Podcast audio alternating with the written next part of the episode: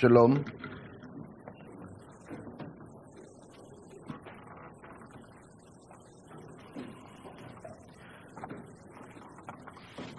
בשיעור שעבר ראינו, אני מקווה ש...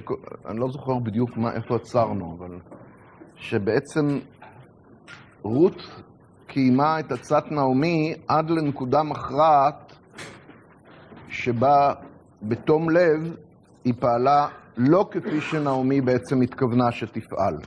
מה הייתה הנקודה הזאת? מה? כשהיא אמרה כי גואל אתה. בנקודה הזאת רות בעצם מבקשת מבועז לשאת אותה לאישה, ופרסת כנפך על אמתך, אבל היא מוסיפה כי גואל אתה, והיא מתכוונת בכך לומר מה? מה? שהנישואים יהיו נישואי גאולה שמטרתם להקים זרע במקום בעלה המת של רות מחלון. לא לכך התכוונה נעמי. נעמי אמרה שהיא, הלא אבקש לך מנוח אשר ייטב לך. ולא ביקשה נעמי גאולה לבנה המת.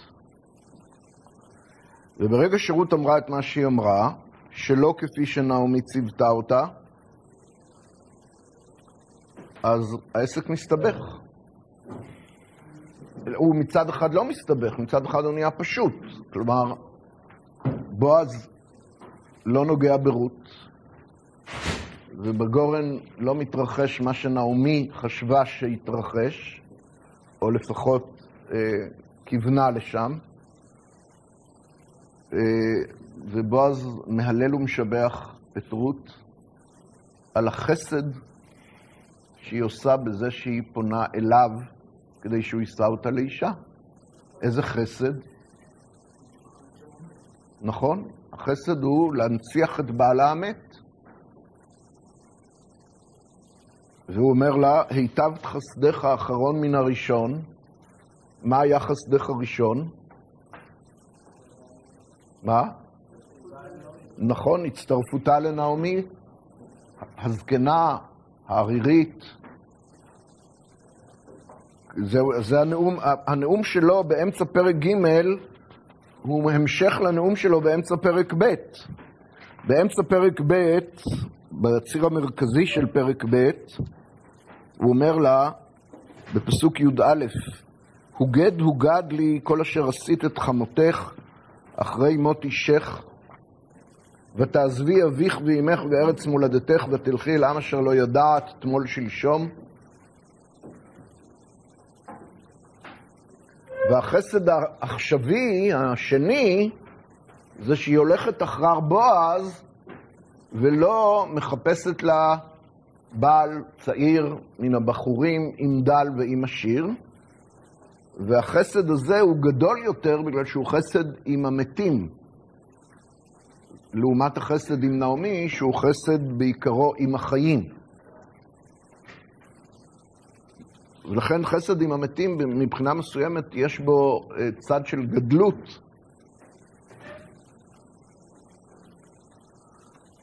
אבל זה מסבך את העלילה, בגלל שעכשיו אומר לה בועז את מה שרות כנראה לא ידעה, וצריך לומר גם אנחנו לא ידענו,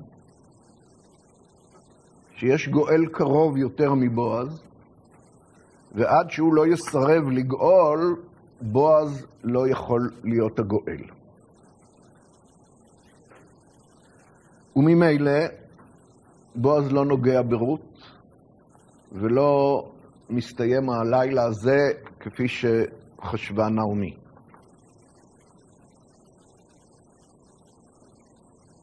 נעמי כן ידעה את הסיבוך הזה, אגב, כן? ולכן נעמי רצתה לעקוף אותו. היא שולחת את רות כדי להינשא לבועז בנישואים שאינם נישואי גאולה, כדי לעקוף את פלוני אלמוני. ובועז אומר, אני לא יכול לעקוף אותו. אם את רוצה נישואי גאולה. אבל רות, לא, רות וגם הקורא, צריך לומר, איננו מודע לתסבוכת הזאת, והוא מופתע לשמוע מפי בועז, יחד עם רות אנחנו מופתעים לשמוע על קיומו של גואל קרוב יותר. אגב, מה בדיוק הקרבה? חז"ל אומרים, במדרשם, זה נשמע הגיוני, שבועז היה בן דוד של אה, מחלון וחיליון. ואילו פלוני אלמוני היה דוד של מחלון וחיליון, הוא היה אחיו של אלימלך. וגם סלמון היה אחיו של אלימלך, בועז היה בנו של סלמון, אז הוא היה בן דוד.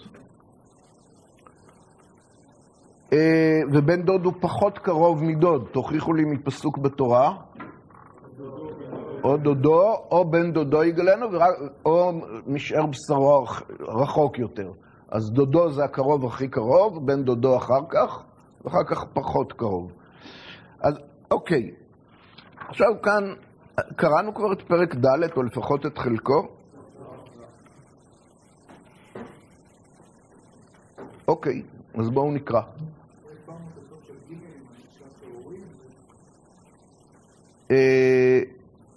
מה יש לבאר סוף ג'?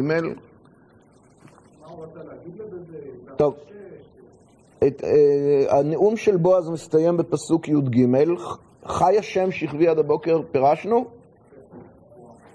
חז"ל פירשו את זה לשון שבועה שהוא לא ייגע בה. ותשכב מרגלותיו עד הבוקר, ותקום בטרם יכיר איש את רעהו, ויאמר אל יוודע קיבה האישה הגורן. כלומר, על השאלה למה הוא משלח אותה כל כך מוקדם, בטרם יכיר איש את רעהו, התשובה היא, אל יוודע כי באה אישה הגורן. ואם תשאלו, מה אכפת לו שיוודע? מה? בדיוק. הם, הם לא קראו את הפרק. הם יראו רק אישה עוזבת את הגורן בבוקר, וכולם יגידו, יהיו לשונות רעות, אדם צריך, והייתם נקיים מהשם ומישראל. כשאדם יודע שהוא נקי מהשם, הוא צריך להיות נקי גם מישראל. אבל לפני שהוא נפרד, הוא אומר, אבי המת... ויאמר, אבי המטפחת אשר עלייך ואחזי בה, ותאחז בה, ויעמוד שש שעורים, וישת עליה, ויבוא העיר. אה, טוב, חז"ל שואל, שואלים מה זה שש שעורים.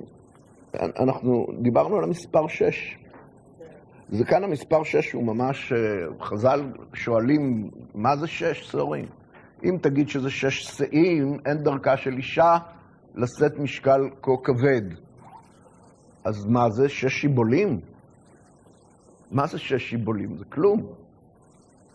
אז חז"ל אומרים, כן, זה שש שיבולים, אבל זה רמז שנתן בועז לרות, שעתידים לצאת ממנה וממנו שישה צדיקים, שישה צדיקים, מה? אלומות. יכול להיות. הפשט לא מעניין אותנו עכשיו, רק הדרש. שישה צדיקים שכל אחד מהם מתברך בשש ברכות. וששת הצדיקים הם דוד, יושיהו, חזקיהו, יאשיהו, חנניה, מישאל ועזריה, שהם נחשבים לצדיק אחד. פספסנו עוד מישהו? מה? ישי, לא, לא... דניאל, נכון, דניאל ומלך המשיח. מלך המשיח זכרתי, אבל דניאל נשמט מזיכרוני. אלה השישה. עכשיו, הדבר מדהים, חז"ל במדרש, זה רות רבה, מדרש רות רבה, חז"ל מראים מפסוקים בתנ"ך שכל אחד מהשישה האלה מתואר בשש, בשש אה, ברכות, או מידות, או סגולות, שהתנ"ך מתאר אותו בשש כאלה. למשל, מלך המשיח, בפרק בישעיהו, ונחה עליו רוח השם, רוח חוכמה ובינה, רוח עצה, רוח דת ויראת השם, תספרו שם, תמצאו שש. או דוד, שמתואר בפי הנער, שממליץ עליו לשאול, שייקח אותו כמנגן, מתאר אותו בשש מידות, שש תכונות טובות. וכן הלאה, ממש קטע שלם במדרש מראה שכל אחד מששת הצדיקים שמבית דוד מתברך בשש ברכות. אז דיברנו על המספר שש בקשר לדוד. לא דיברנו? בקשר למילה המנחה. ראינו שהשורש שוב חוזר 12 פעמים בפרק א', כן? ראינו שהשורש לקות מופיע 12 פעמים בפרק ב', ראינו? 12, איזה מין דבר זה? ראינו שהשם של רות מופיע במגילה 12 פעמים? ראינו שהשם של בועז מופיע במגילה 18 פעמים? מעניין. כל המספרים האלה הם כפולות של 6, ואצל חז"ל, כל מה שנוגע לבית דוד קשור למספר 6. ואב לכל הששיות, שש שעורים. וימוד שש שעורים וישת עליה. ותבוא העיר. ויבוא העיר. ותבוא אל חמותה ותאמר מי את ביתי? דיברנו על זה בשיעור שעבר. ותגד לה את כל אשר עשה לה האיש. עשה במשמעות אה, הודיע שיעשה. ותאמר, שש השעורים האלה נתן לי, כי אמר אליי, אל תבואי ריקם אל חמותך. המילה ריקם חוזרת פה פעם שנייה במגילה. איפה הייתה הפעם הראשונה שלה? וריקם משיבני השם. וכאן נרמז בגזרה שווה הזאת, ריקם ריקם, שהקשר בין בועז לרות ימלא גם את נעמי. ובסופו של דבר יתברר שהיא לא שבה ריקם אל בית לחם. כלומר, היא שבה ריקם, אבל היא תתמלא בבית לחם. מה? ולא תהיה שיבה מאוחרת, נכון. והפרק מסתיים בדברי נעמי, ותאמר שבי איתי עד אשר תדין איך יפול דבר, כי לא ישקוט האיש כי אם כילה הדבר היום. ואז פרק ד', היחידה הסיפורית הרביעית, ובועז עלה השער וישב שם. השער של העיר במקרא הוא מקום הפעילות הציבורית. השער הוא מקום, בעיר גדולה, הוא מקום ישיבתם של פקידי הממשל, בית הדין, בית המשפט.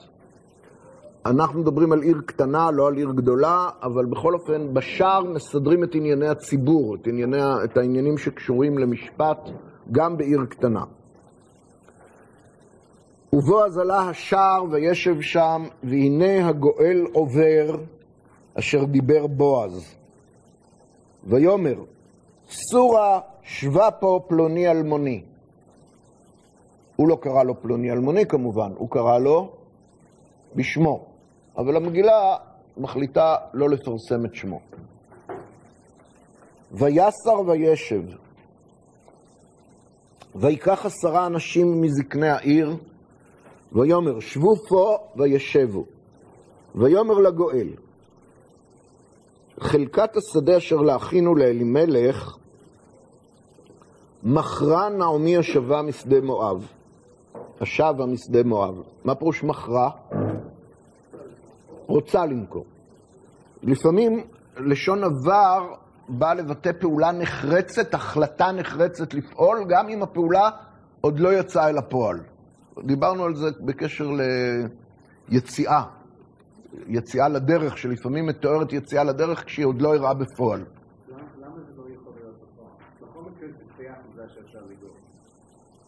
כן, כן, תכף אני אסביר.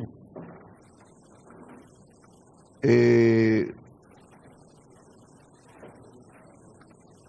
אבל כל הפרשנים כאן אה, תמימי דעים. אני, אני תכף נסביר למה זה... ואני אמרתי, אגלה אוזנך לאמור, קנה נגד היושבים ונגד זקני עמי. אם תגאל, גאל. ואם לא יגאל, הגידה לי ואדעה, כי אין זולתך לגאול, ואני אחריך. ויאמר, אנוכי אגאל. ויאמר בועז, ביום קנותך השדה מיד נעמי ומאת רות המואביה אשת המת קנית, להקים שם המת על נחלתו. וממילא אתה צריך גם, גם מה? לשאת את רות. ויאמר הגואל, תכף נדבר, ויאמר הגואל, לא אוכל לגאול לי פן אשחית את נחלתי. גאל לך אתה את גאולתי, כי לא אוכל לגאול. וזאת לפנים בישראל על הגאולה ועל התמורה, לקיים כל דבר, שלף איש נעלו ונתן לרעהו, וזאת התעודה בישראל. ויאמר הגואל לבועז, קנה לך, וישלוף נעלו. לפי תפיסת חז"ל מדובר כאן בקניין של זכויות הגאולה. לא מדובר כאן בחליצה, זה לא, למרות שזה נעל, הנעל משמשת פה ככלי, כמכשיר לקניין, קניין חליפין. ויאמר בועז לזקנים וכל העם, עדים אתם היום, כי קניתי את כל אשר לאלימלך, ואת כל אשר לחיליון ומחלון מיד נעמי. אה, הנה מי שהציע כאן אה, משהו אחר, הוא קונה את, פה, בפעולה הזאת, הוא קונה את הזכות לרכוש את השדה מיד נעמי, וגם את רות המואביה, אשת מחלון, קניתי לי לאישה להקים שם המת על נחלתו, ולא יכרת שם המת מאימך ומשאר מקומו. עדים אתם היום. ויאמרו כל העם אשר בשער והזקנים עדים. נסתפק, נפסיק באמצע הפסוק. Uh, המתח הגיע לשיאו בפרק ד' בשעה שהגואל פלוני אלמוני אמר מה? אנוכי אגאל. וואו, אנחנו נבהלים. ואז בועז מוציא איזה קלף מפתיע, לא מפתיע אותנו, אבל מפתיע את פלוני אלמוני, ואומר לו, אוקיי, אבל אם אתה גואל את השדה, אתה צריך לגאול גם את רות, כדי להקים שם המת על נחלתו. ואז הוא אומר, לא, זה לא, לא אשחית את נחלתי, ביטוי קצת קשה. הפשטות הוא לא אשחית את משפחתי. שפירושו, כנראה הוא בעל משפחה, הוא לא רוצה להכניס עוד אישה הביתה, לא אשחית את נחלתי, אני מוותר. מוותר על מה? מה זה הכל? על האישה הוא לא, הוא לא רוצה בה, הוא לא צריך לוותר. הוא מוותר על הזכות לקנות את הקרקע מיד נעמי. זאת זכות, הוא רצה להרחיב את נחלתו, והוא מוותר על כך, ומוסר או מקנה את הזכות לגאול את הנחלה ואת רות לבועז.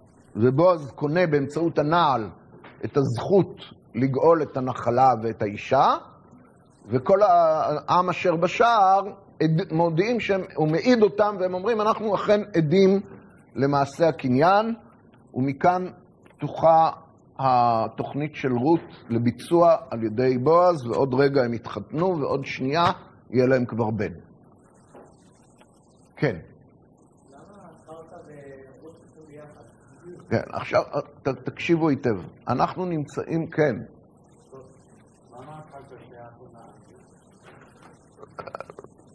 בוא נגיד היא האלמנה והיא היורשת של הקרקע, למרות שבדינים של הירושה בימינו, זה, ב, ב, כלומר, הדינים הידועים לנו הם לא כאלה, אבל נעמי היא בת המשפחה גם.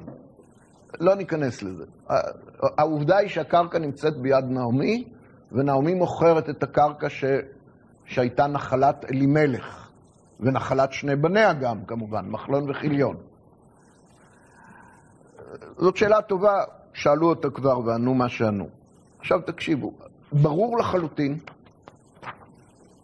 לא ברור לכולם, אבל לכל מי שקורא קריאה רגישה, שאנחנו נמצאים פה באיזה מצב משפטי שהיה מוכר מאוד לאנשים במגילה, אבל אנחנו לא מבינים אותו. שאלתם פה שאלות טובות, אני אשאל את השאלות עכשיו בצורה מסודרת.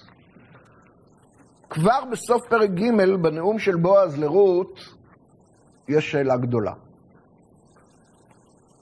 בועז אומר לרות, יש גואל קרוב ממני, ואם הוא ירצה לגאול, אז זכותו קודמת, ואז הוא יגאל. אבל אם הוא לא ירצה, אז אני בא אחריו, ואז אני, אני אגאל אותך. זה מה שהוא אמר לרות, נכון? מה? יש לך? אז לא, היא רצתה נישואי גאולה. אז הוא אומר, נישואי גאולה, יש מישהו קרוב יותר. כאן אני שואל שאלה פשוטה. בועז קרוב לבעלה של רות, בואו ניקח את דברי חז"ל שבאמת יוצרים, הוא בן דוד של מחלון, ואילו פלוני אלמוני הוא דוד של מחלון, והוא קרוב יותר לכן, דוד הוא קרוב יותר מבן דוד, בסדר? מה זה משנה מבחינת הנישואים עם רות? מה, אם הנישואים של בועז ורות יכולים להיות נישואי גאולה, אז מה אכפת לי שיש קרוב יותר? יש קרוב יותר, אבל היא רוצה את בועז, נכון? אז שהוא יישא אותה, והוא... עכשיו, אם פלוני אלמוני יסרב לגאול, אז זה יהפוך את בועז יותר קרוב מבחינה משפחתית לבעלה של רות? הוא יישאר באותה מידת ריחוק. אם מידת הריחוק הזאת מספקת כדי שהנישואים יהיו נישואי גאולה, אז מה אכפת לי שיש מישהו? נדלג עליו. הרי, מה, יש פה איזה, איזה חוקים? הרי זה לא ייבום של התורה שהוא נעשה רק באח. פה זה לא אח, זה קרוב רחוק יותר. דוד, בן דוד. אז מה, מה זה משנה שיש קרוב יותר? מה, זכותו אה, יכולה לשנות משהו בקרבה בין... ממילא הנישואים יהיו גאולה מכוח הקרבה שיש בין בועז לבין בעלה של רות. והקרבה הזאת לא תשתנה. אז מה אכפת לנו מפלוני אלמוני? רות אוהבת את בועז? בועז אוהב את רות? התשובה היא כן. אז שיתחתנו ויגדירו את זה כנישואי גאולה. כי יש קרבת משפחה. מה אכפת לי שיש מישהו יותר קרוב? מה זה מפריע? איזה חוק? איזה חוק? חוק ייבום? אין פה חוק ייבום. גם זה, נישואי גאולה כבר הסברנו, נישואי גאולה זה נישואים שמטרתם להעמיד, כמו ייבום, להעמיד זרע שיהיה המשכו של המת, של האדם שמת, של הבעל, של האלמנה שמת בלא זרע. זה המטרה, כמו ייבום, כמו ייבום. אז זאת שאלה אחת. שאלה שנייה שאני רוצה להעלות, זה הופעת השדה שנעמי רוצה למכור, בפרק ד'. מי סיפר לבועז את הסוד הזה, שנעמי רוצה למכור? מי שקורא את המגילה מאוד מופתע. מאיפה כל הסיפור הזה? זה לא כתוב. שמא תגידו, אה, רות אמרה את הדבר הזה לבועז, בגורן, אז שיכתבו את זה. אני לא יודע למה, מה בדיוק בגורן חייב לומר, לומר לבועז, תשמע, אנחנו רוצות למכור את הנחלה. זה לא מתקשר בשום צורה למה שהיה שם. אבל נניח שהיא אמרה, לא, זה פרט מאוד חשוב, כי על הפרט הזה בנוי כל המשא ומתן עם פלוני אלמוני. אז למה זה לא כתוב? ומאיפה בועז יודע את הדברים האלה? שנעמי רוצה למכור את הנחלה? זה מאוד מפתיע, הדבר הזה. זה פרט מאוד דרמטי, כי בפרט, כל פרק ד' בנוי על הפרט הזה. נכון, זה לא פרט לסיפור. היא לא מפריעה, אבל היא מעוררת תמיהה גדולה. אפשר היה לתת לנו, אפשר היה לתת לנו את הפרט הזה בקיצור באיזה מקום קודם, בפרק ב' או בפרק ג'. ולא נותנים לנו, פתאום העניין של מכירת הנחלה עומד במרכז הסיפור, בלי שלנו היה רמז שזה הולך לקרות. אה, נכון, יש, אז צריך לשאול למה באמת. כשיש פרט שהוא לא פרט שולי, תראה, בוא אני אתן לך דוגמה, לא מיוסף, יש לנו, קוראים לזה הבטה לאחור. מישהו, המושג הבטה לאחור, עושה לו משהו? מזכיר לו? אין כאן, מה? יופי. אמרת ראובן, אתה פטור. פטור מן ההמשך. אה, יש לי עיון גדול על הנושא של הבטה לאחור בספר בראשית, בסיפור יוסף. עכשיו, תראו, יש לנו בפרק ג' דוגמה להבטה לאחור. מה הדוגמה להבטה לאחור? ש, כלומר, שמישהו מישהו פתאום מפרט משהו שקרה בעבר, לפעמים זה עבר קרוב, לא עבר רחוק, ובסיפור עצמו לא אמרו לנו את הפרט הזה. למה אני מתכוון? אני מתכוון לפסוק י"ז. ותאמר, שש השעורים האלה נתן לי, כי אמר אליי, אל תבואי ריקה מלחמותך. איפה זה כתוב שהוא אמר, אל תבואי ריקה מלחמותך? לא כתוב. לא בטוח. למה? מי אמר שהוא נותן את זה לחמותה ולא לא לה? מסתבר שהוא אמר את זה, כמו ש... תשמע, זה, היא מצטטת, אל תבואי ריקה מלחמותך. אבל זה דוגמה שהתנ"ך יכול היה לדלג על המשפט הזה של בועז, ולהשמיע לנו אותו מפי רות, כשהיא מוסרת לחמותה את השש שעורים. אולי, אם כך צריך להבין למה, אין, אין צורך, למה לנו ל, ל, להתנגח עם, עם פשט הכתוב. זה לא מפריע לי. זה באמת לא מפריע לי, שהתנ"ך מעדיף לתת לנו את המשפט אל, אל תבואי ריקה מלחמותך מפי רות בדבריה לנעמי, ולא מפי בועז בדבריו אל רות. האמת היא, זה יותר מתאים שרות תגיד את זה לנעמי. אז בסדר, זה לא, זה לא... אבל פה עניין הנחלה הוא עניין דרמטי. הוא הופך להיות מרכז הדיון עם פלוני אלמוני. ולא שמענו על זה בכלל. והשאלה השלישית, אתם זוכרים שתי שאלות שאלנו עד עכשיו, בואו נחזור. מה השאלה הראשונה? מה, מה? שאלה הראשונה, מה הייתה? מה זה משנה שיש פלוני אלמוני מבחינת נישואי הגאולה של בועז? וכי בגלל שיש פלוני אלמוני, חי... אפשר לדלג עליו, ושבועז ורות יתחתנו, ו... וזה יהיה גאולה. מידת הקרבה לא משתנה. זאת הייתה שאלה ראשונה. והשאלה, הרי אין כאן, זה לא חוקי ייבום, אין פה... שאלה שנייה ששאלנו, כל עניין הנחלה מופיע בפרק ד' בלי רמז מוקדם ש, שנעמי באמת רוצה למכור את הנחלה. מאיפה בועז יודע את זה? מי סיפר לו סוד זה?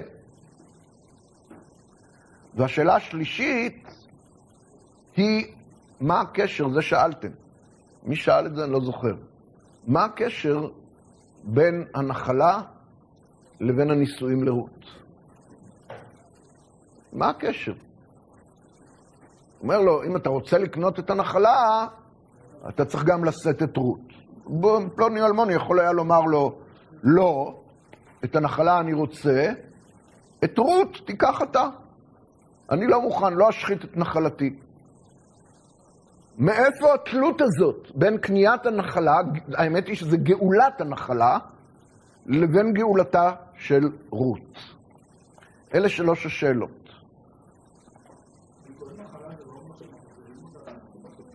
לא, לא, לא. או, אני, אז רק רגע. המושג גאולה במקרא זאת הזדמנות כאן ל, ל, לדון על מושג הגאולה במקרא. איזה גאולות אתם מכירים? בפרשת בהר יש לנו שתי גאולות. גאולה ראשונה זה גאולת... רק שנייה, נמצא משהו שכותב כמו שצריך. מה הגאולה הראשונה בפרשת בהר? גאולת אחוזה. או, גאולת שדה אחוזה.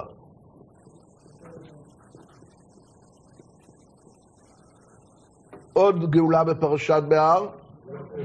איך? זה קשור לשדה אחוזה, בתרמה זה סעיף. גאולת עבד, איזה עבד?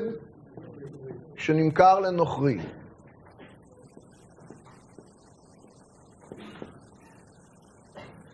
איזה עוד גאולות אתם מכירים? גאולת דם. ואיזה עוד גאולה? גאולת רות. גאולת ייבום. ייבום לא נקרא גאולה בתורה, אבל מעין ייבום של רות כן נקרא גאולה. השורש גאול, רוב הופעותיו בתנ"ך מופיעות בארבעת הסעיפים האלה. ריכוז עצום של השורש גאול מופיע בפרשת בהר, של 1-2, גאולת דם בפרשת מסעי, פרשת ערי מקלט, מופיע השור... המושג הזה, גואל אדם, גואל אדם, גואל אדם, פעמים רבות מאוד, וגאולת ייבום מופיע הרבה מאוד פעמים בפרשת, במגילת רות.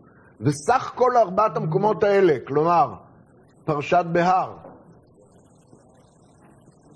פרשת מסעי ומגילת רות, זה רוב, רוב עצום, רוב גדול מאוד, של הופעת השורש גאול בתנ"ך. מה זה גאול בכלל? מה פירוש המילה גאולה? לגאול, מה זה? מה משמעות הפועל הזה? מה, מה? לא להציל זה לא המילה. להחזיר לקדמותו, להחזיר לקדמותו במובן הטוב כמובן. כלומר, להשיב מצב לקדמותו אחרי שהוא יידרדר. האדם, השדה, לא משנה מה. לשקם, לשקם. זאת המילה הכי קרובה לגאולה. שיקום. עכשיו, מה? גאולת עם. דם, כן, כן. תכף אני אסביר. עכשיו אני רק רוצה להגיד, אה, המושג גאולה בהקשר הלאומי לא מופיע הרבה בתנ"ך. מדינת ישראל ראשית צמיחת גאולתנו. אבל הגאולה, כת... בכל אופן, ב... ב... בתנ"ך הוא לא מופיע כל כך הרבה, אבל מופיע. יש לנו ברכת גאל ישראל, גואל ישראל, השם נחשב לגואל. עכשיו רגע, הפעולה הזאת של גאולה מוטלת בתנ"ך, בתורה ובתנ"ך כולו על מי? על קרובי משפחה. קרובי המשפחה מוטלת עליהם חובת הגאולה של אותו קרוב שמסיבות שונות מצבו הידרדר, תכף נגיד לאן הוא הידרדר, מוטל עליהם לשקם אותו. אם הוא מכר את הקרקע, מוטל עליהם להחזיר את הקרקע אל המשפחה, לגאול אותה מיד הזר שקנה את הקרקע. אם הוא איבד את חירותו והפך להיות עבד אצל גוי, מוטל עליהם לפדות אותו, לגאול אותו מן הגוי ולהשיב לו את חירותו. תכף נדבר על גאולת דם. אם הוא מת ללא בנים, מוטל עליהם לגאול את, את זכר המת, את שמו של המת, על ידי נישואים לאלמנתו והולדת ילדים שיחשבו, לפחות ילד אחד, שיחשב לממשיכו של המת. כן, עכשיו, אה, אז אמרנו שהגואל הוא קרוב משפחה. כלומר, הגאולה, פעולת הגאולה מוטלת על קרובי המשפחה. וכל הקרוב קודם את חובת הגאולה שלו על פני מי שקרוב פחות ממנו. אבל כל המשפחה מוטלת עליה חובת הגאולה. עכשיו נדבר על הגאולה הלאומית, גאולת עם ישראל. מה כוללת, מי הגואל את עם ישראל כמובן? השם. השם הוא, הוא גואל ישראל. מה משמעות הדבר? שהוא קרוב משפחה. במה הוא קרוב משפחה שלנו? הוא אבינו ואנחנו בניו. מוטל עליו לגאול אותנו. מה כוללת הגאולה? שיבת עם ישראל לארצו, כלומר גאולת הקרקע. שחרור בני ישראל מגלותם, מהיותם עבדים לאויביהם, כלומר גאולת העבד מיד גוי. נקמה, נקמה בגויים ששפכו את דמם של ישראל, תמיד הגאולה קשורה בנקמה בגויים, זה גאולת דם. כמעט כל סעיפי הגאולה מופיעים ביחסים, כלומר, אנחנו לא רגילים, אנחנו גאולה, גאולה, גאולה. התחלת גאולה. גאולה, פירושו של דבר, חובתו של אלוהינו, אבינו, לגאול את בניו, בני משפחתו, באותם סעיפי הלכה שאנחנו מוצאים בתנ"ך, שבהם מושג הגאולה מופיע. גאולת הקרקע, גאולת האדם ונקמת דם. גאולת דם. אולי נגיד משפט על גאולת הדם. לפי תפיסת פשוטי המקראות, אדם שנרצח, הדם שלו איננו נספג באדמה. האדמה לא מוכנה לקלוט את דמו של הנרצח עד שיעשה דין ברוצח. עד כאן זה ברור? זה, זה פסוקים מפורשים. כבר בהתחלת התורה, השם אומר לקין, כל דמי אחיך צועקים אליי מן האדמה. האדמה לא מוכנה לקבל את הדם שנשפך, והדם צועק. צועק אל אלוהים. מה הצעקה שלו? הוא דורש צדק, ועד שלא יעשה צדק ויענש הרוצח, האדמה לא תקלוט את הדם. תפקידו של גואל אדם, פשוטו כמשמעו, להשקיט את הדם, להניח לדם, לאפשר לדם להיספג באדמה, לאפשר למת את מנוחתו. זה, זה המשמעות של גאולת דם, ולכן זה גאולה. עכשיו, למה נועדה הגאולה בתנ"ך? הגאולה בתנ"ך, בפרשת בהר נגיד, נתפסת על ידי פרשנים מודרניים כאיזה אה, דאגה כלכלית, סוציאלית, לאדם שהתמוטט מבחינה כלכלית. אין, אין להכחיש שזה קיים. אבל מאחורי תפיסת הגאולה בתנ"ך ניצבת איזו תפיסה רחבה יותר מאשר התפיסה הסוציאלית. אדם מישראל, כל אדם, לא רק אדם מישראל, זקוק לאחיזה בנצח. אדם לא יכול לחיות מתוך תחושה שאחרי שנות החיים שלו נגמר הכל, אין משמעות יותר. זה הופך את החיים לחייו של קהלת, אם אתם מבינים מה אני אומר. קהלת מאוד מוטרד מהשאלה הזאת. המוות מאפס את ערך החיים. אבל בתורה ובתנ"ך כולו, חי... הערך של חיי אדם הוא, הוא נצחי. אבל לא מדובר בתנ"ך על עולם הבא, שלא מוזכר כמעט, לא מוזכר, לא כמעט, לא מוזכר בתנ"ך עולם הבא. איך אדם זוכה לאחיזה בנצח? מה נותן לו אפשרות לכך ששמו לא יימחה? כלומר, שמו, הכוונה זכרו, קיומו, לא יימחה עם בוא המוות. מה, מה נותן לו אחיזה בנצח? התשובה היא, בנים, זה נקודה אחת, שיהיו לו בנים. והדבר השני, שהבנים שלו ירשו את אחוזתו. נחלת אבותיו. האחיזה בנחלת אבות, האבות של, שבארץ, בארץ ישראל, והמעבר שלה מדור לדור, שני אלה יוצרים לאדם מישראל בתקופת המקרא אחיזה בנצח. כבר פתחנו את ישעיהו נ"ו בקשר לכך. באיזה הקשר? בשיעור, ברות, כלומר בשיעור הראשון או השני?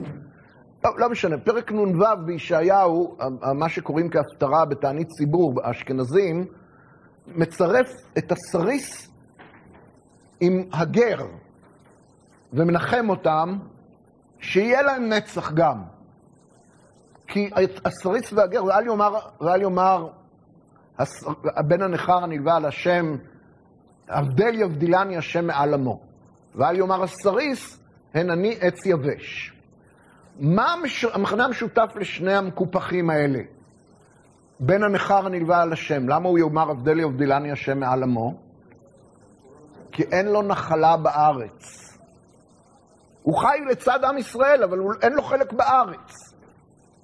והוא לא מוריש לבניו נחלה בארץ. יש לו בנים, אבל לו, הוא לא מוריש להם נחלה בארץ, כי אין לו. והסריס שיש לו נחלה בארץ, מה זה עוזר? אין לו למי להוריש את הנחלה הזאת, כי הוא עץ יבש. עץ שאין לו פירות. ושניהם חסרים את, ה, את המימד שנותן לאדם בעם ישראל בתקופת המקרא את הנצח, את האחיזה בנצח, את ההמשכיות. מה שנותן לאדם את ההמשכיות זה האחיזה בנחלת אבותיו והעברתה לבניו אחריו. ואם אחד הדברים האלה חסר, אין לאדם אפשרות להישאר בספרו של עם ישראל, להיכתב בספרו של עם ישראל. הוא נמחה, נמחה, נמחה פירושו נמחק, נמחק שמו מישראל. ואין לך רעה גדולה מזו בתפיסת המקרא, ששמו של אדם נמחה מישראל, זה הדבר הנורא ביותר. תפיסת הגאולה באה להתמודד עם הבעיה הזאת. איך דואגים לקרוב משפחה שסכנת מחייה של שמו מישראל מרחפת מעל ראשו. איך הסכנה הזאת יכולה לרחף מעל ראשו? או שהוא מתנתק מאדמת אבותיו, מנחלת אבותיו, מאחוזתו, או שהוא מת בלא בנים, או שהוא מאבד את חירותו והופך להיות עבד. כל עניין היובל, שלא דיברנו עליו מספיק, נועד לפתור את הבעיה הזאת. היובל והגאולה. היובל והגאולה זה שני צדדים של אותו, זה לא שני צדדים, זה שני שלבים. גאולה מייתרת את הצורך ביובל. אבל אם אין גאולה, אז היובל מחזיר את השדה לבעליו ומוציא את העבד לחירות, וזה היובל. אבל צריך לגאול אותו עוד לפני היובל. בני המשפחה צריכים לגאול את האדמה ולהחזיר אותה אל המשפחה. בני המשפחה צריכים לגאול את העבד ולהשיב לו את חירותו. בני המשפחה צריכים לגאול את הדם, כדי שגם אם אדם מת ונרצח, הוא ימצא את מנוחתו. זה חלק מהתפיסה. וכמובן, מצוות ייבום שבתורה, האח מחויב לשאת את אלמנת אחיו שמת ללא בנים, כדי להעמיד בן שיהיה תחליף למת וימשיך את המת. עד כאן זה ברור. עכשיו, אני, נחזור לשאלות ששאלנו על מגילת רות. תפיסת הגאולה כאן היא מאוד חשובה, תכף נשתמש בה. נחזור רגע אל מגילת רות ולשאלות ששאלנו. צריך לחזור על השאלות? אין צורך, נכון? שלוש שאלות שאלנו. שני פרשנים מתייחסים לשאלות ששאלנו, אה, כל אחד בדרכו.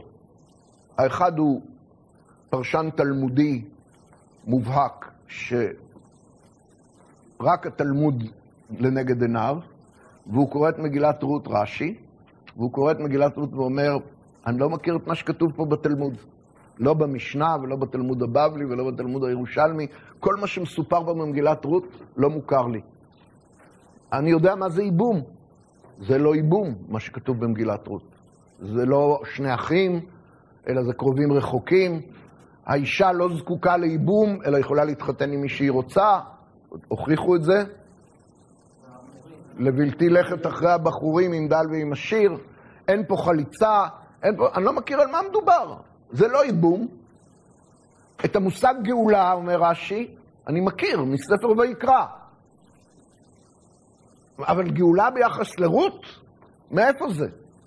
בפרשת בהר, בפרשת מסעי, לא מוזכרת גאולה בסיטואציה כזאת של רות. לא מכיר. בתורה שבעל פה אין לנו מקורות שמאשרים את המצב המשפטי שמתואר פה במגילת רות. אז רש"י, בפירושו לרות, שואל את עצמו את השאלות שלנו, ועונה עליהן ככה. כשרות אמרה לבועז, ופרסת כנפך על אמתיך, כי גואל אתה, היא מתכוונת למילה גואל, לא במשמעות שאנחנו פירשנו אותה, אלא במשמעות של פרשת בהר. מה המשמעות של פרשת בהר לגואל? גואל שדה. עבד לא שייך פה, אבל שדה כן. ממילא במילים כי גואל אתה, רומזת רות לבועז שהן הולכות למכור את השדה שלהם, נעמי והיא, ואתה גואל השדה. אז מה הקשר בין א' לב'? מה הקשר בין ופרסת כנפך על אמתיך כי גואל אתה? איזה קשר יש בין שני הדברים? אומר רש"י, הקשר הוא אד uh, הוק. עכשיו רות יוצרת אותו. היא אומרת, אנחנו רוצות למכור את השדה. אתה הגואל.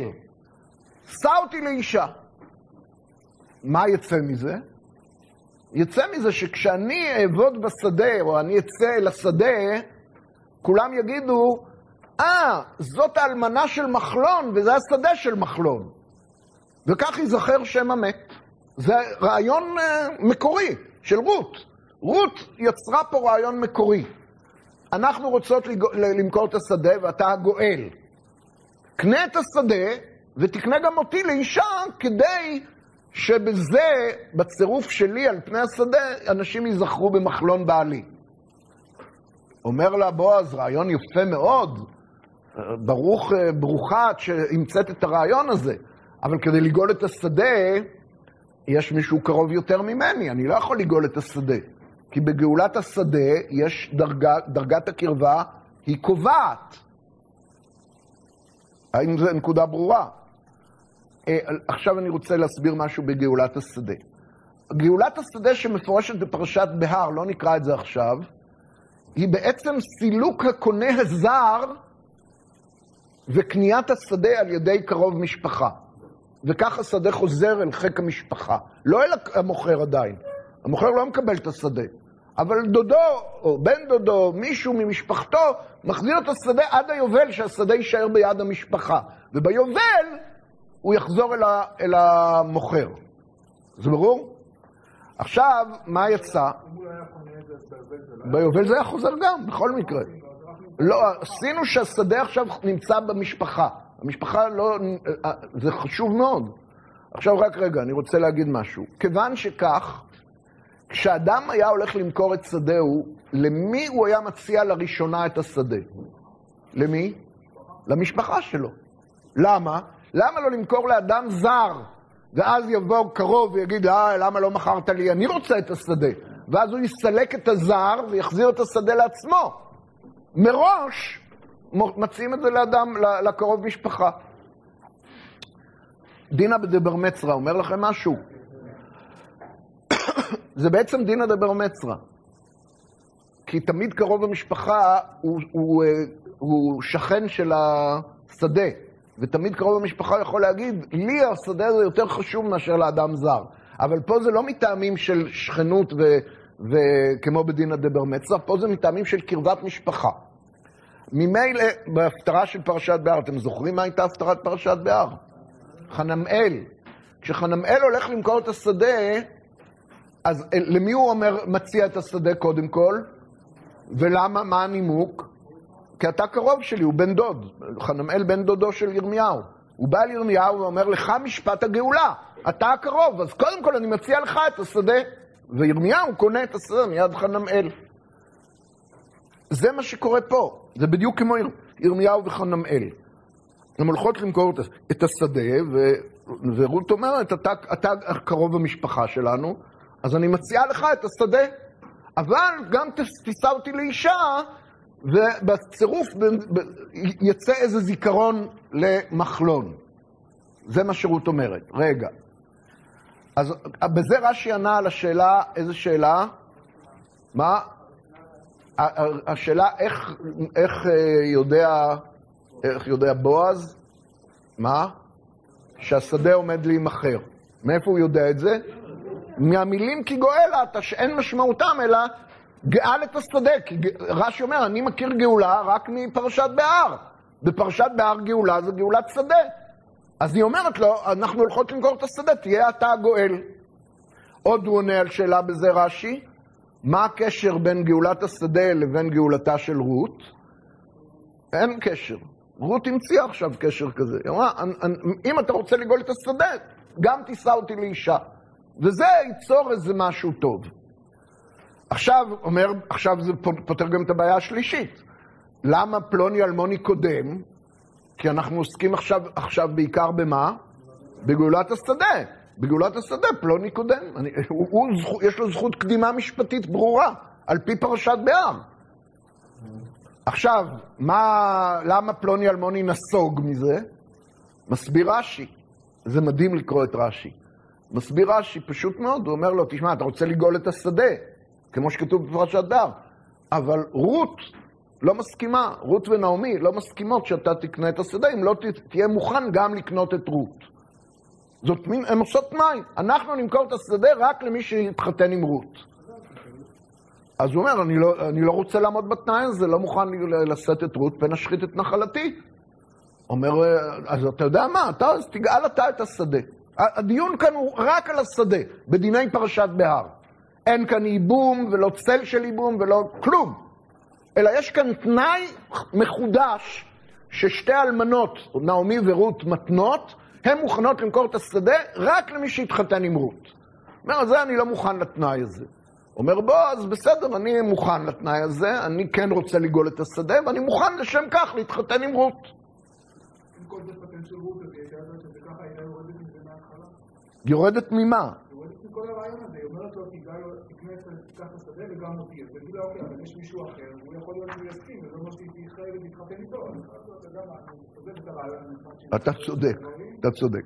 זה פשוט אה, עכשיו ככה, מה עוד אה, כאן... אה, עכשיו, יש כאן את הביטוי להקים שם המת על נחלתו, שחוזר שלוש פעמים פה בפרק ד'. תראו. פסוק ה' בפרק ד', ויאמר בועז, ביום קנותך השדה מיד נעמי ומת רות המואביה אשת המת קנית, להקים שם המת על נחלתו.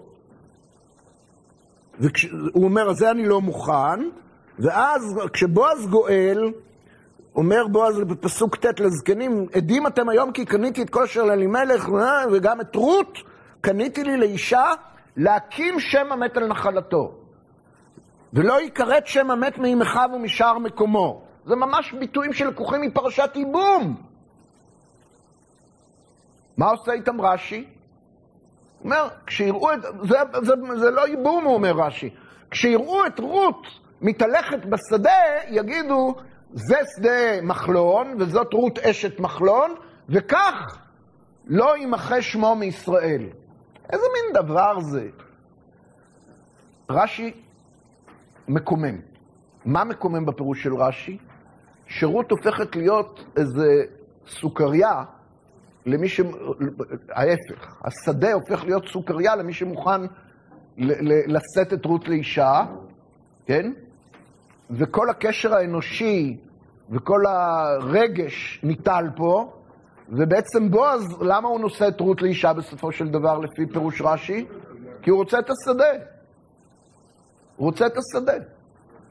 מי שקורא את זה אומר, זה לא יכול להיות שזה מה שכתוב פה. כי אנחנו מרגישים שפה כתוב משהו, איזה מוסד משפטי. אבל רש"י אומר, אני מצטער, לא מוכר לי המוסד המשפטי הזה. ייבום, אני יודע, גאולת שדה, אני יודע. מה שמסופר פה זה לא תורה שבכתב, זה לא תורה שבעל פה, זה דברים שאינם קיימים בעם ישראל, לא יודע לפרש אחרת. ולכן רש"י נאלץ לפרש כפי שהוא פירש. פרשן אחר, והוא רמב"ן, גם הוא היה תלמודי במקצת. אבל הרמב"ן היה תלמודי, אבל היה מוכן לה- להכיר בכך ש... תכף נראה, רק רגע.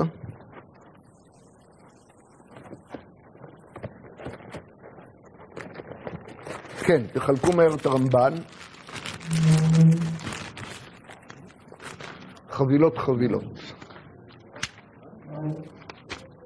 חבילה ראשונה, חבילה שנייה, חבילה שלישית, אתם צריכים הרבה יותר.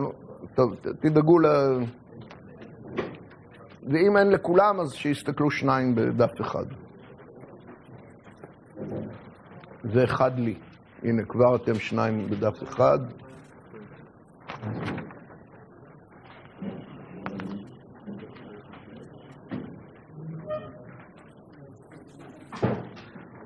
הרמב"ן, למרות שהוא גם שם לב בוודאי לכך שכל הסיפור של מגילת רות אין לו, אין לו בסיס ב, ב, בתורה שבעל פה ולא בתורה שבכתב, מאיפה זה? מאיפה זה? מצא הרמב"ן, הרמב"ן קורא נאמן של מגילת רות ואומר, ברור שמדובר פה במוסד משפטי, שהיה קיים בתקופת המקרא. הוא לא מסביר למה, למה המוסד הזה נעלם, אבל ברור, הוא, מרג... הוא, הוא, הוא נאמן לפשוטו של מקרא. איפה הוא ידבר על זה? אין לו פירוש למגילת רות. אז לכאורה המקום לדבר על זה זה איפה? בייבום, מצוות ייבום שבתורה. לא, כי מצוות ייבום שבתורה באמת לא קשורה למגילת רות. זה לא שני אחים, אלא מדובר בקרובים אחרים רחוקים יותר. אין כאן, אישה לא זקוקה לייבום, היא יכולה להתחתן עם מי שהיא רוצה. אין כאן מוסד, חל... אין חליצה כמובן. איזה עוד הבדלים אה, יש? עוד הבדלים. מה? כי פרשת בהר לא מדברת על אישה, אין שם שום דבר על אישה ואלמנה, שבעלה מת בלא בנים. המקום לדבר על זה הוא המקום הטבעי, הייבום שמתרחש בפרשת יהודה ותמר. זה המקום. כי גם שם יש ייבום, אבל הוא לא כדיני תורה. מה לא כדיני תורה בפרשת הייבום בפרש... ביהודה ותמר? מי שמייבם זה האבא, אחרי הניסיונות לייבם באמצעות האח, אחים. עוד הבדל, האלמנה שם כן זקוקה לייבום, היא לא יכולה להתחתן. זה נעשה במרמה, זה לא מעניין אותנו עכשיו, זה פרט שולי בדיון המשפטי. מה עוד? אין חליצה. אם, זה, אם הייתה חליצה, אז יהודה היה דואג לנתק את הקשר עם תמר, הרי הוא לא רוצה לתת אותה לשלה, אז שיחלצו אותה, או שהיא תחלוץ את, את שלה. אין חליצה, אין אפשרות להשתחרר מה... מהיבום, זה, זה, זה לא מה שכתוב בתורה. עכשיו, רמב"ן מתווכח עם רש"י, שהוא מביא אותו בתחילת דבריו, ויבם אותה והקם זרע לאחיך. מי אומר למי ויבם אותה והקם זרע לאחיך? יהודה למי? לאונן. הבן ייקרא על שם המת, לשון רש"י. ואין זה נכון, אין זה אמת, כי במצוות התורה נאמר גם כן, והיה הבכור אשר תלד יקום על שם אחיו המת, ולא ימחה שמו מישראל, ותראו כמה זה דומה למגילת רות, ואין היבם מצווה לקרוא לבנו כשם אחיו המת. אתם שומעים? וגם בבועז, ואמר בבועז, וגם את רות המואביה אשת מחלון, קניתי לי לאישה, להקים שם המת על נחלתו, ולא יכרת שם המת מאם אחיו ומשאר מקומו, ותקראנה אותו השכנות עובד, לא מחלון. אז אתה רואה שלהקים שם המת על נחלתו, אין פירושו לקרוא לבן הנולד מהזיווג על, בשמו של המת. אין הלכה כזאת. למרות שכתוב יקום על שם אחיו המת. אין הכוונה שצריך לקרוא לו. זה לא, מה שרש"י אומר, זה לא נכון. הוא צודק כמובן. נדלג לפסקה הבאה, אז מה העניין? מה זה, מה זה, מה זה. להקים זרע למת, מה זה ל, ל, ל, למנוע את זה ששמו של המת יימחה, או, או בצורה חיובית, להקים שם המת על נחלתו, מה פירוש? אבל העניין, סוד, אני בצד השמאלי של הדף, אבל העניין, סוד גדול מסודות התורה בתולדת האדם, וניכרו לעיני רואים אשר נתן להם השם עיניים לראות ואוזניים לשמוע. מהו הסוד? זה סוד, הוא לא כותב אותו. הוא רק אומר, מי שיש לו עיניים לראות ואוזניים לשמוע, יודע את הסוד, ומי שאין לו, לא יודע את הסוד. אז אני אגיד לכם מה הסוד. הסוד הוא גלגול נשמות, אבל הרמב"ן לא רוצה לומר את זה. כלומר שיש נשמות שמתגלגלות מאדם לאדם אחר. האם הרעיון הזה של גלגול נשמות באמת הוא פשוטו של מקרא? האם הוא קיים במקרא? התשובה היא, לפי דעתי, לא. אבל הרמב"ן חושב שזה יסוד עניין הייבום. אנחנו יכולים לפרש את עניין הייבום בלי גלגול נשמות, בלי הסוד הזה. אז בואו נמשיך ונקרא. והיו החכמים הקדמונים קודם, שימו לב למה שהוא אומר, החכמים הקדמונים קודם התורה יודעים כי יש תועלת גדולה בייבום האח, והוא הראוי להיות קודם בו. מאיפה אנחנו רואים את זה בפרשת יהודה ותמר שהיא קודם, למתן תורה? מאיפה אנחנו יודעים שהאח קודם? יהודה, יהודה אומר לעונן לייבם, לפני שהוא... ואחריו הקרוב במשפחה. כי כל, אנחנו מדברים על מצב שקדם למתן תורה. כי כל שארו הקרוב אליו ממשפחתו, אשר הוא יורש נחלה, יגיע ממנו תועלת. יגיע ממנו תועלת שמה? שהוא יתחתן, יישא לאישה את האלמנה. והיו נוהגים לישא אשת המת, האח, או האב, או הקרוב מן המשפחה. ולא ידענו אם היה מנהג קדמון לפני יהודה. אנחנו יודעים שכן. הייבום הוא מנהג שקיים בכל רחבי החברה האנושית, עוד הרבה לפני מתן תורה ועוד הרבה לפני יהודה. בכל העולם, בסגנונות שונים. ובבראשית רבה וכולי, לא משנה. וכאשר באת, אני דילגתי על שתי שורות, וכאשר באת התורה ואסרה אשת קצת הקרובים, רצה הקדוש ברוך הוא להתיר איסור אשת האח מפני הייבום, ולא רצה שידחה מפניו איסור אשת אחי האב או אשת הבן וזולתם. אשת הבן זה בעצם ייבום על ידי אבי המת. זה ברור לכם? כי באח הורגל הדבר ותועלת קרובה, ולא בהם, כמו שהזכרתי. כלומר, את זה שהאח הוא קודם לייבום, ידעו גם לפני מתן תורה. אבל לפני מתן תורה אמרו, אם אין אח, או אם האח לא רוצה, או לא יודע מה, אז אפשר לייבם גם על ידי האב, גם על ידי קרובי משפחה נוספים. באה התורה ועשתה סדר בעניין. את הנוהג של הייבום עם התועלת הגדולה שלו, מה התועלת הגדולה של הייבום? להקים זרע במקום המת, את זה התורה מקבלת, ורואה בזה מצווה גדולה.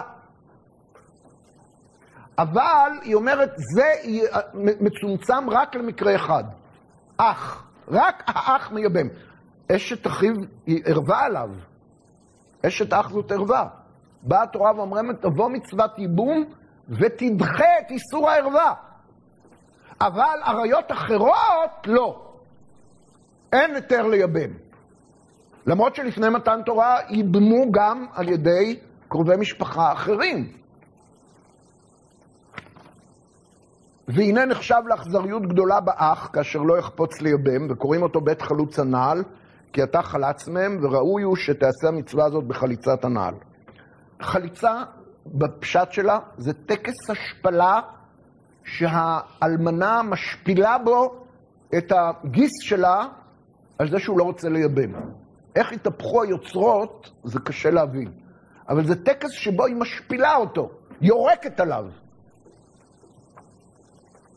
אבל זה לא הנושא שלנו. וחכמי ישראל הקדמונים, מדעתם העניין הנכבד הזה, שמה? שבאמצעות ייבום אפשר לה, לה, להמשיך את הקיום של הנפטר, הנהיגו לפנים בישראל לעשות המעשה הזה בכל יורשי הנחלה, באותם שלא יהיה בהם איסור השאר. מה פירוש איסור השאר? איסורי עריות. מי זה חכמי ישראל הקדמונים? מתי הם חיו?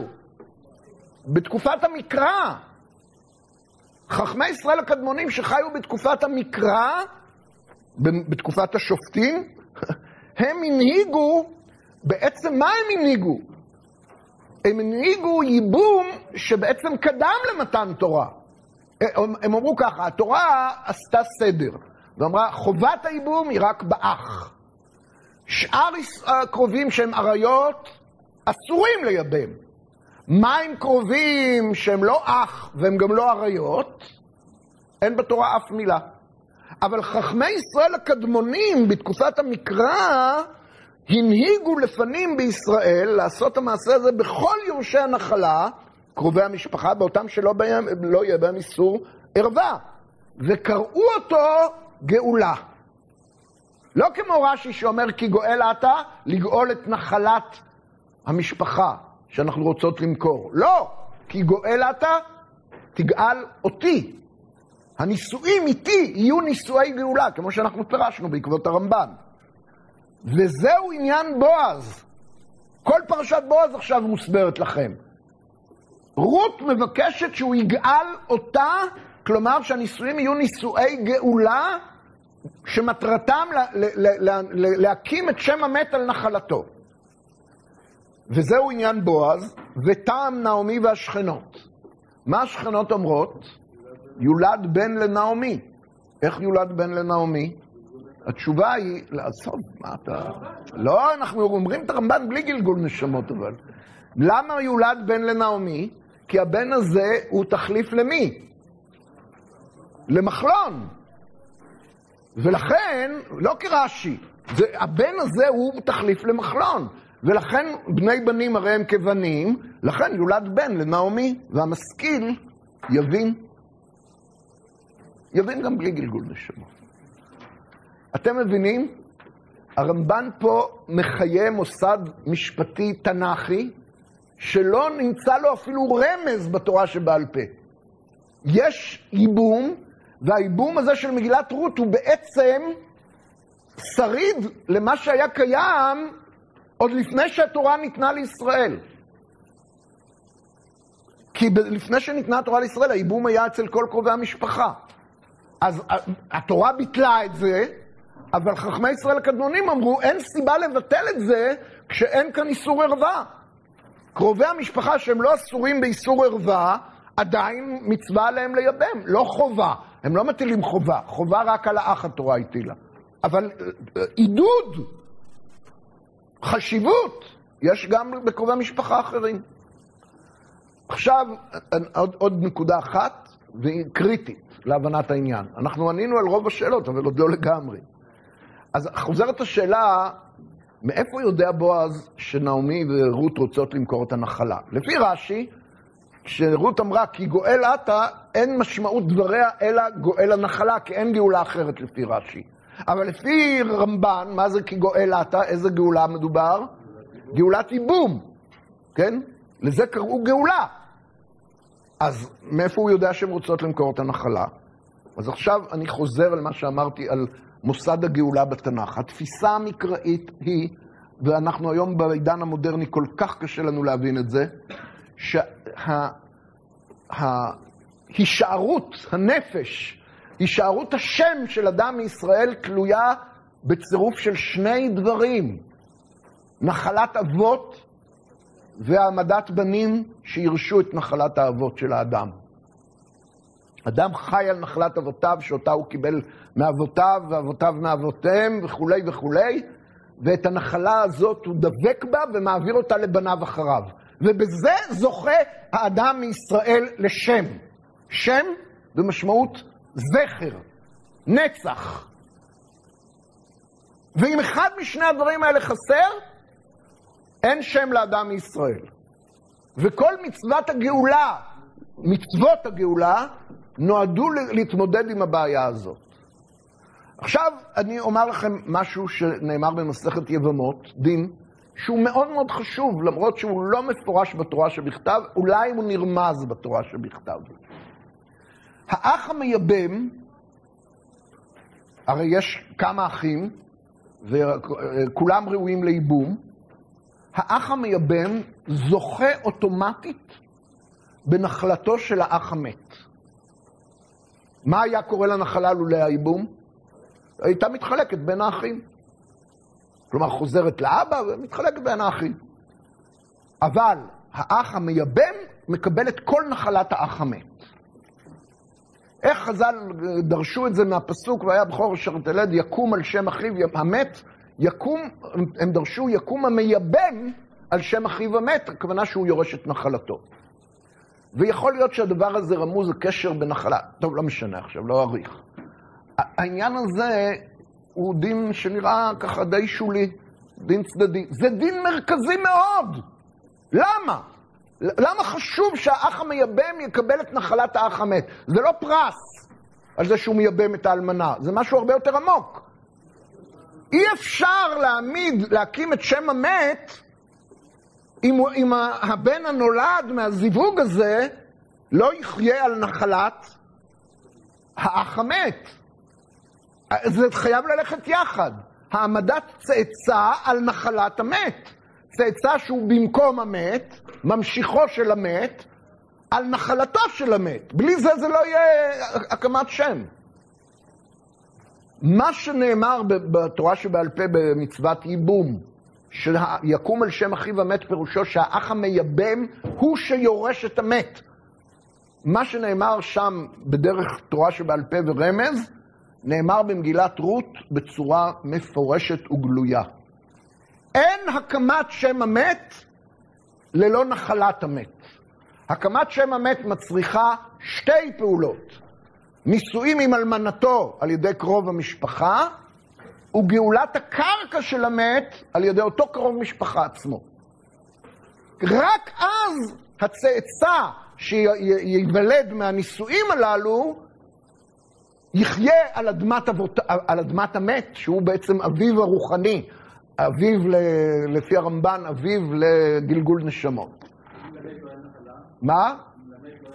אם למת לא היה נחלה, אין... או, אז עכשיו זאת התשובה לשאלה, איפה נעלם המוסד המשפטי של מגילת רות בעם ישראל? מה קרה שהמוסד הזה התפוגג? שרש"י אומר, אני לא מכיר דבר כזה. מה, בדיוק, ברגע שאין נחלה, המוסד הזה קרס. ללא שהמייבם, או הגואל, גם גואל את הנחלה וגם גואל את אשת המת, אין, אין לזה, אין, המוסד הזה קורס בעצם.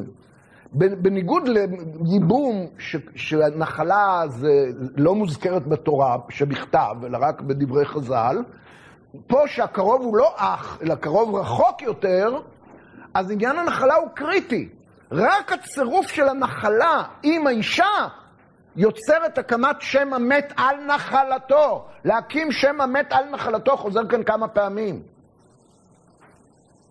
ולכן, כשירות, הרמב"ן אגב, אם תחזרו רגע לרמב"ן, הוא, הוא שלוש פעמים הוא מזכיר שהייבום נעשה על ידי קרוב שהוא יורש נחלה. שלוש פעמים הוא מזכיר את זה. כי הנחלה היא עניין מאוד מרכזי בייבום של מגילת רות וגם בייבום של התורה, למרות שזה לא נזכר במפורש. ועל כן, כשרות אומרת לבועז, ופרסת כנפיך על אמתיך, כי גואל אתה, למה היא מתכוונת? לא כרש"י. למה היא מתכוונת כי גואל אתה? אתה הגואל שמוטל עליו לשאת אותי לאישה, בנישואי גאולה. אבל ללא הנחלה זה לא יהיה נישואי גאולה. מה? זה עסקת חבילה, ברור. ויהודה, לא יהודה, בועז, שמכיר את הכללים, מבין מיד על מה מדובר. היא רוצה שאני אשא אותה, וגם אקנה את הנחלה מיד נעמי, וכך הנישואים האלה יהיו באמת גאולה, ושם המת ייקרא על נחלתו. שם במשמעות זכר, זכר המת, המשך המת, ייקרא על נחלתו. בלי נחלה זה לא יהיה גאולה. ואז אומר לבועז, היטבת חסדך האחרון, מן הראשון, זה חסד עצום, אבל מה שנוגע לנחלה, אני לא יכול לעקוף את פלוני אלמוני. אם פלוני אלמוני ירצה לגאול את הנחלה, הנישואים שלנו לא יהיו גאולה. את רוצה שהנישואים שלנו יהיו גאולה. אבל אם הוא לא ירצה לגאול את הנחלה, אז הוא יוותר על כל, הת... על כל העסקה. וזה באמת מה שקורה. הוא בא אל פלוני אלמוני ומתחיל איתו בגאולה של פרשת בהר. נעמי רוצה למכור את הנחלה, אתה הקרוב הכי קרוב, לך זכות הקדימה בקניית הנחלה. מה אומר פלוני אלמוני? מה? אנוכי אגאל.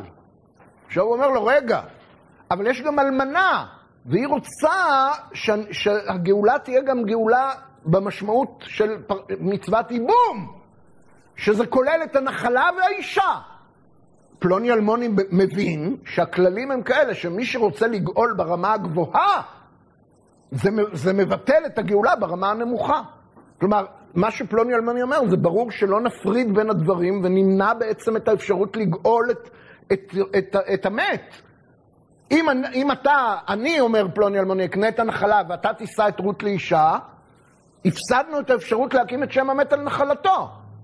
אז ברור שהנכונות שלך גם לגאול את הנחלה וגם לגאול את רות, הם קודמים למה שאני רוצה, זה רק לגאול את הנחלה.